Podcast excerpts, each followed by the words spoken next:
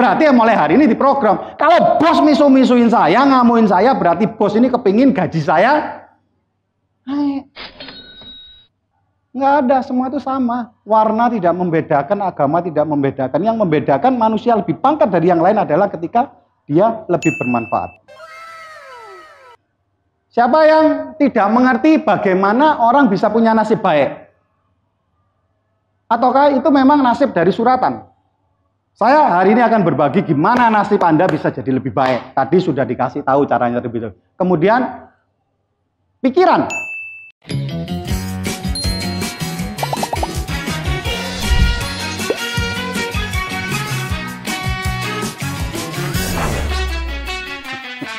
Karena segala sesuatu itu akhirnya jadi konsep.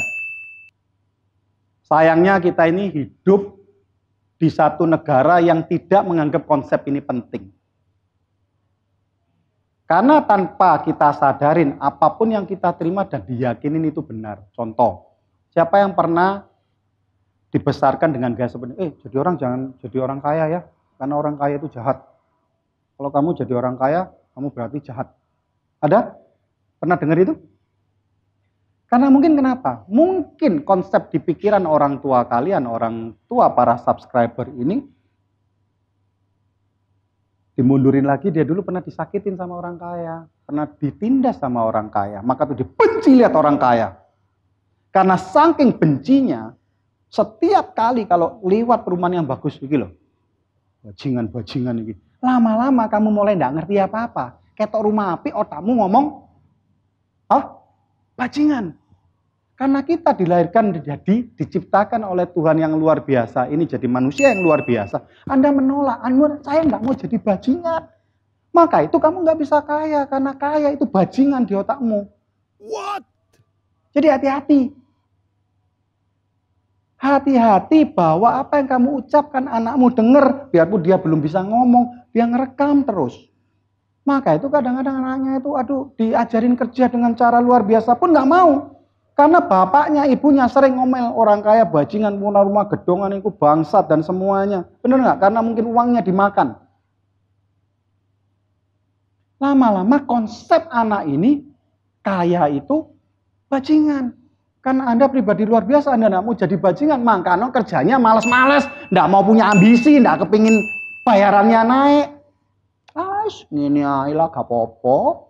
Sugih mate corona, kiri mate corona.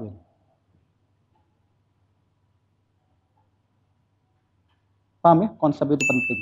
Bagaimana kita bisa menyakiti konsep kalau kita otaknya kurang benar. Kemudian, kalau kita sudah belajar konsep,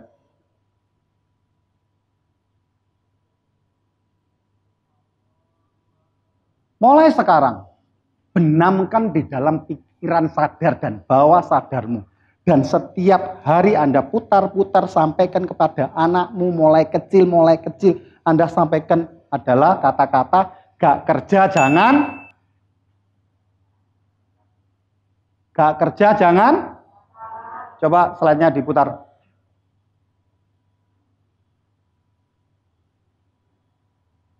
Bagi sebagian orang di luar sana, Susah itu adalah tanggung jawab pemerintah. Hidupnya tambah lama tambah susah. Orang susah melahirkan anak susah, besarkan orang susah. Nanti anak cucunya tambah susah.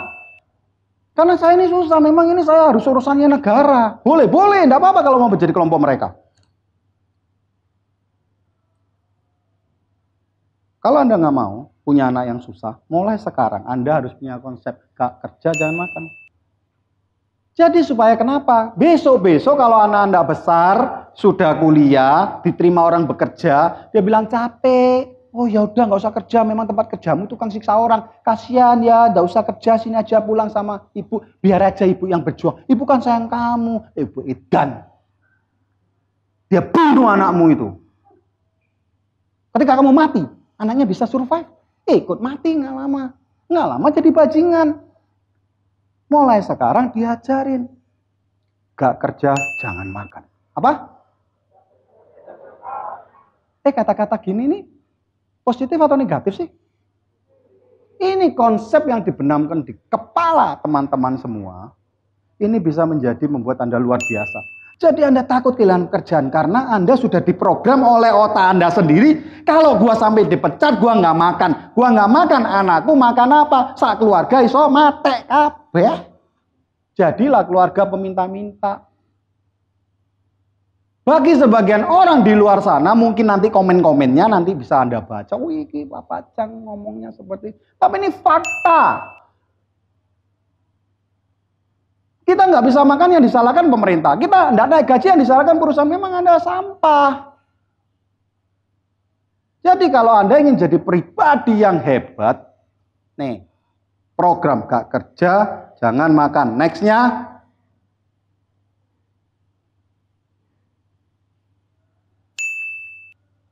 yuk diulangin. Gak kerja jangan makan kerja halal. Gak kerja jangan makan kerja halal. Ayo tiga kali aja. Satu, dua, tiga.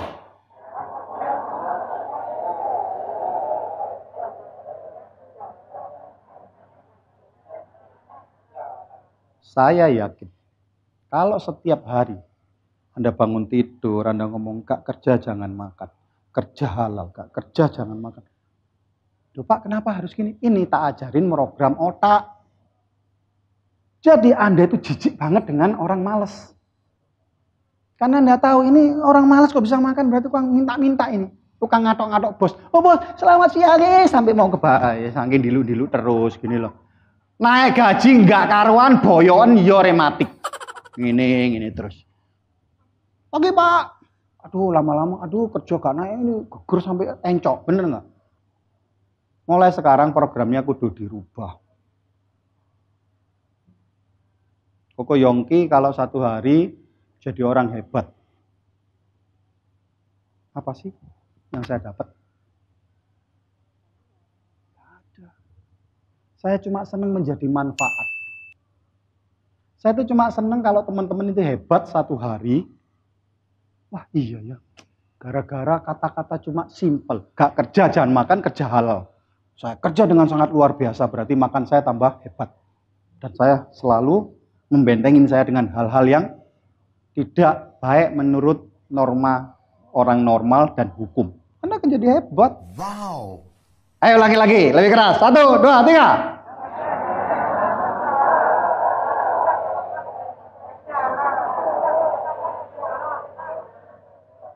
Oke, saya tidak masuk kelompok orang yang benar-benar kapitalis atau gila duit, budak duit. Ada yang bucin, bener nggak?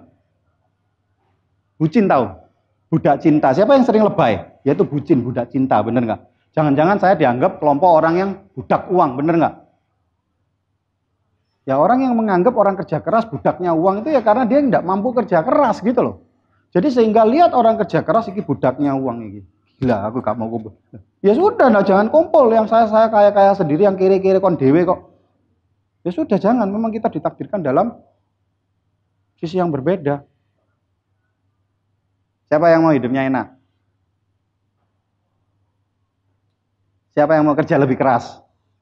Waduh, gini-gini, tak kasih pertanyaan. Siapa yang ingin masuk surga angkat tangan? Tapi tahu nggak, jalan masuk surga itu cuma satu. Mati ya sekarang. What? Mau? Oh, ya jangan, nanti aja, bener nggak? Wah, koko dulu aja gitu loh. Nanti kalau enak kirim WA ya. Papa Cang, enak ayo, budal. Mau engkau air gitu loh ya. Sih, maksudnya apa? Semua orang ingin hidupnya enak, tapi ngelakoninya nggak mau. Bener nggak? Kepingin masuk surga. Surga katanya begitu indah, tapi suruh mati. Eh temennya disuruh dulu, bener nggak? Lucu ya?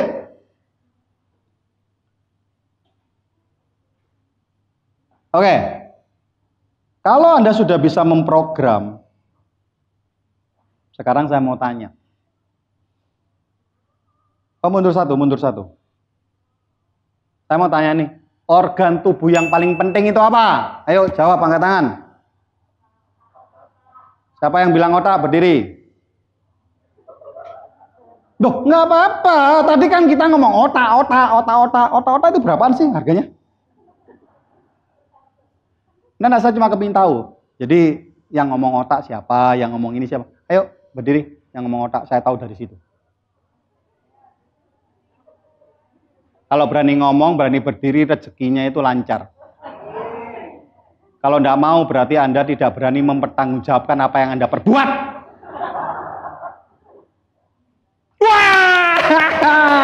Ya kadang-kadang orang kudu diancam-ancam dikit.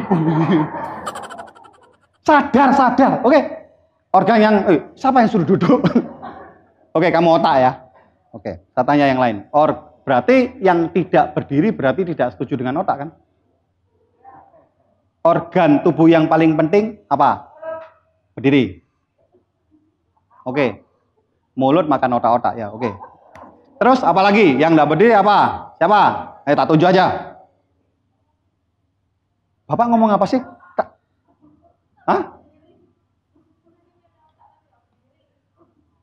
Terus sekarang harus? Ya, tak tunjukin aja. Eh bos, apa bos? Saya mikir. Uh, punya handphone? telepon teman.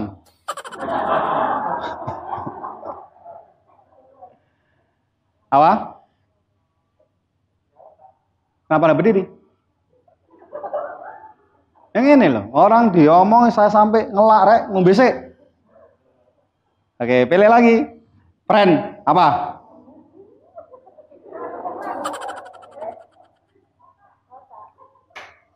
Jadi yang tadi sudah punya pikiran otak cepetan berdiri sebelum tak tunjuk.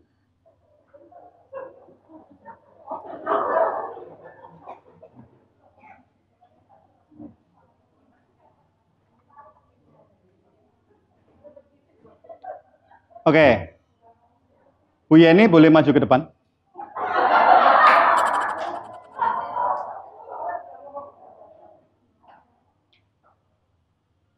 Organ tubuh yang paling penting apa? Oke, jantung sana. Jantung sana. Otak di sini. Mas apa? Hah? Telinga.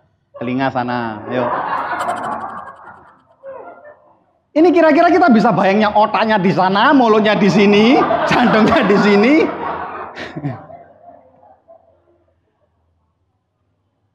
Apa lagi ya? Bina apa? Organ tubuh yang paling penting. Uh, kapok kapokmu bu, kapokmu bu. apa bu? Kenapa anda berdiri?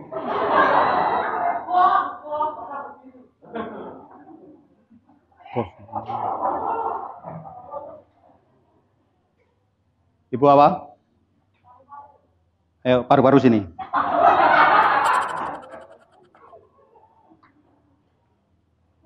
Sudah ya komplit ya? Ini semoga yang ngikutin Zoom itu juga bisa mempraktekkan ini atau yang YouTuber ini. Atau yang para subscriber. Artinya begini. Ada nggak yang mikir organ tubuh yang paling penting itu adalah anus? Ada?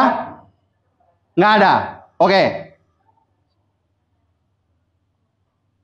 Punya otak cemerlang.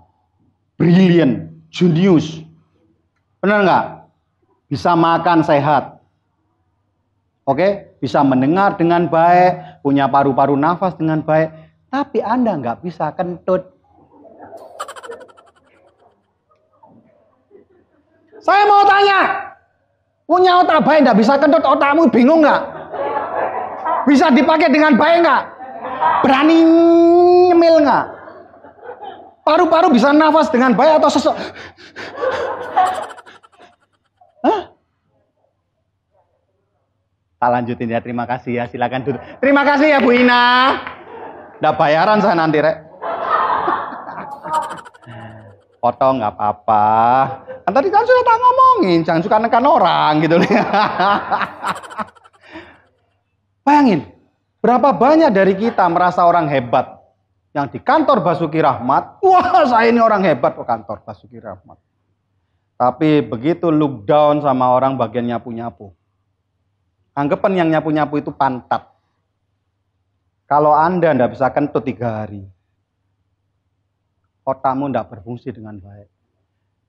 Otak tidak berfungsi dengan baik karena ini pusat dari pikiran kita, akhirnya dia kirim signal.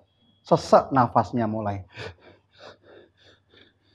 Karena nafasnya mulai sesek, jantungnya mulai problem karena begitu Anda nafas seperti itu, kemudian Anda mulai keracunan oksigen yang tadinya oksigen 17% yang Anda hirup baik-baik saja menjadi sahabatmu, menjadi makanan otak yang dikirim melalui darah dan kemudian Anda begitu panik, Anda panik bisa semaput. Kenapa semaput? Karena Anda keracunan karbon dioksida. Menghirup oksigen terlalu banyak membuat Anda semaput. Maka itu orang panik kadang-kadang semaput. Karena otaknya dikirimin karbon dioksida. Jadi orang keracunan. Gara-gara silitmu.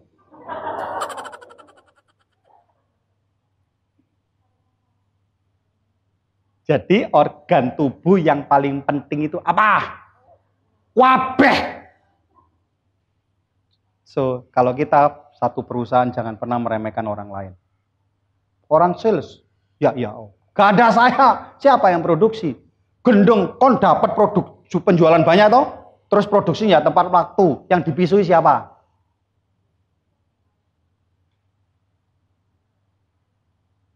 Paham? Maka itu jangan pernah merendahkan orang lain. Apalagi itu satu organisasi Anda. Karena kita ini butuh yang namanya teamwork tubuh ini butuh teamwork. Kalau ternyata yang paru-paru itu merasa saya lebih hebat, saya bukan lebih cepat, mati kita keracunan.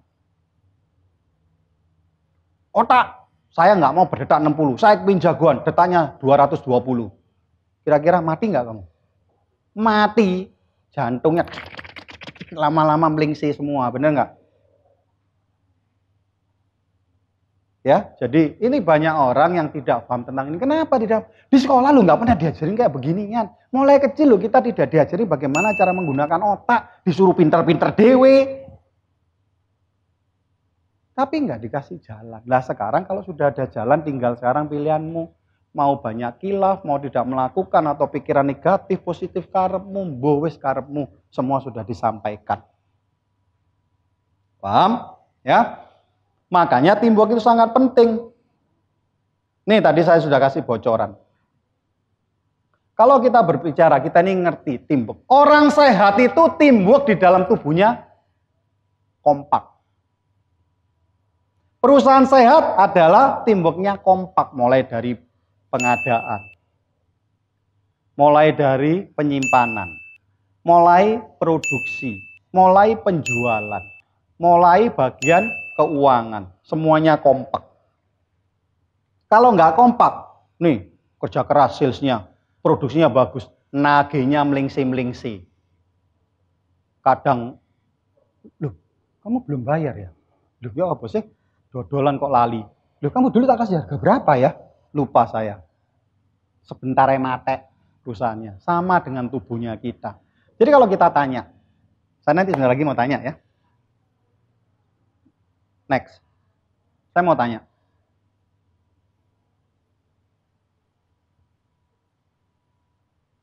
Mbak namanya siapa? Hesti. Siapa kamu? Hmm. Bener kamu Hesti? Yuk kita praktekkan. Tepuk tangan Hesti ke depan yuk. Ini kita akan belajar. Oke? Kamu siapa? Benar. Bukannya kamu itu adalah sekumpulan dari mata, hidung, telinga, paru-paru, dan jantung. Kamu adalah manusia. Benar kamu manusia?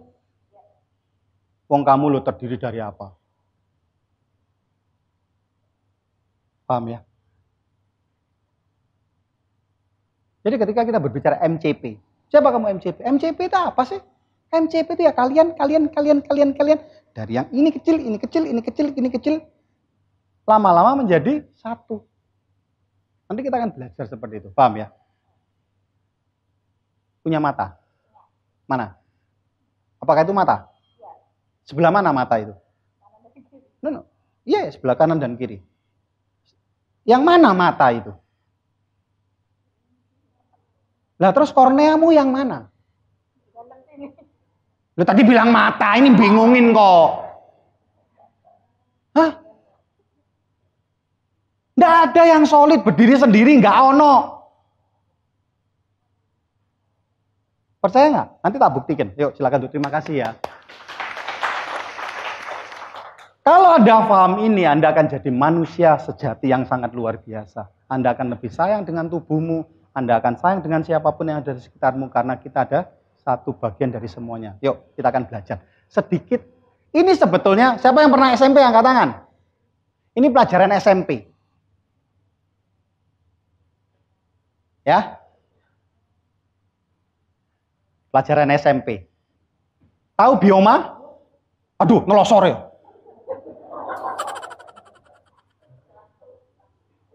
Ngantuk ya? Oke, kita belajar dari sini dulu. Kita ini adalah siapa? Hesti. Kita ini siapa? Papa Cang. Coba deh, dadanya dilus-lus. Dilus-lus, nggak usah digini-giniin. Lus-lus.